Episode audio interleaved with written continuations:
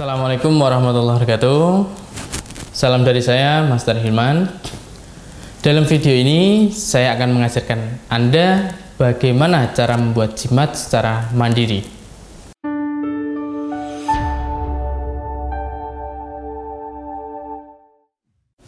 Dalam ilmu kejawen, kata jimat merupakan akronim dari kata diaji dan dirumat.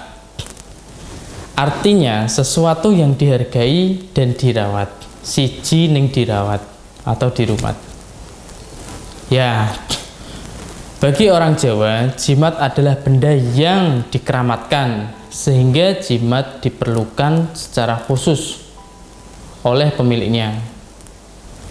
Oleh sebab itu, proses pembuatan jimat juga tidak sembarangan atau ngawur harus melalui ikhtiar atau ritual khusus.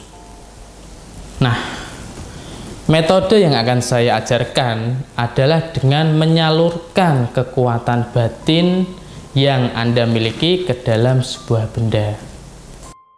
Mungkin Anda yang baru mengenal channel ini akan bertanya-tanya, bagaimana bisa menyalurkan kekuatan batin sementara Anda sendiri tak memiliki kekuatan batin?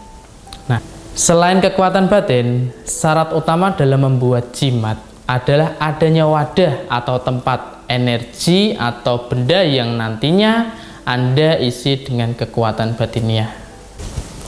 Kebanyakan benda yang dijadikan jimat tergolong benda yang langka, unik dan berumur tua.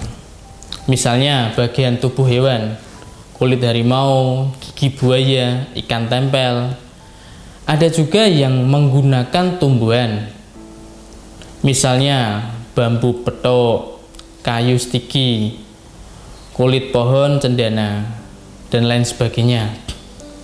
Tidak dipungkiri, sebagian besar bahan yang bisa dijadikan jimat memang sulit didapatkan.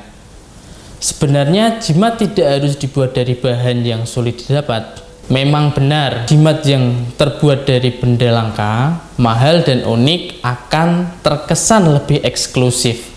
Namun tidak ada salahnya jika Anda memanfaatkan benda yang ada di sekitar Anda. Dalam video berikutnya, saya akan mengajarkan cara membuat jimat dari benda yang bisa didapatkan secara mudah di alam sekitar. Tunggu video saya. Saya Master Himan. Wassalamualaikum warahmatullahi wabarakatuh.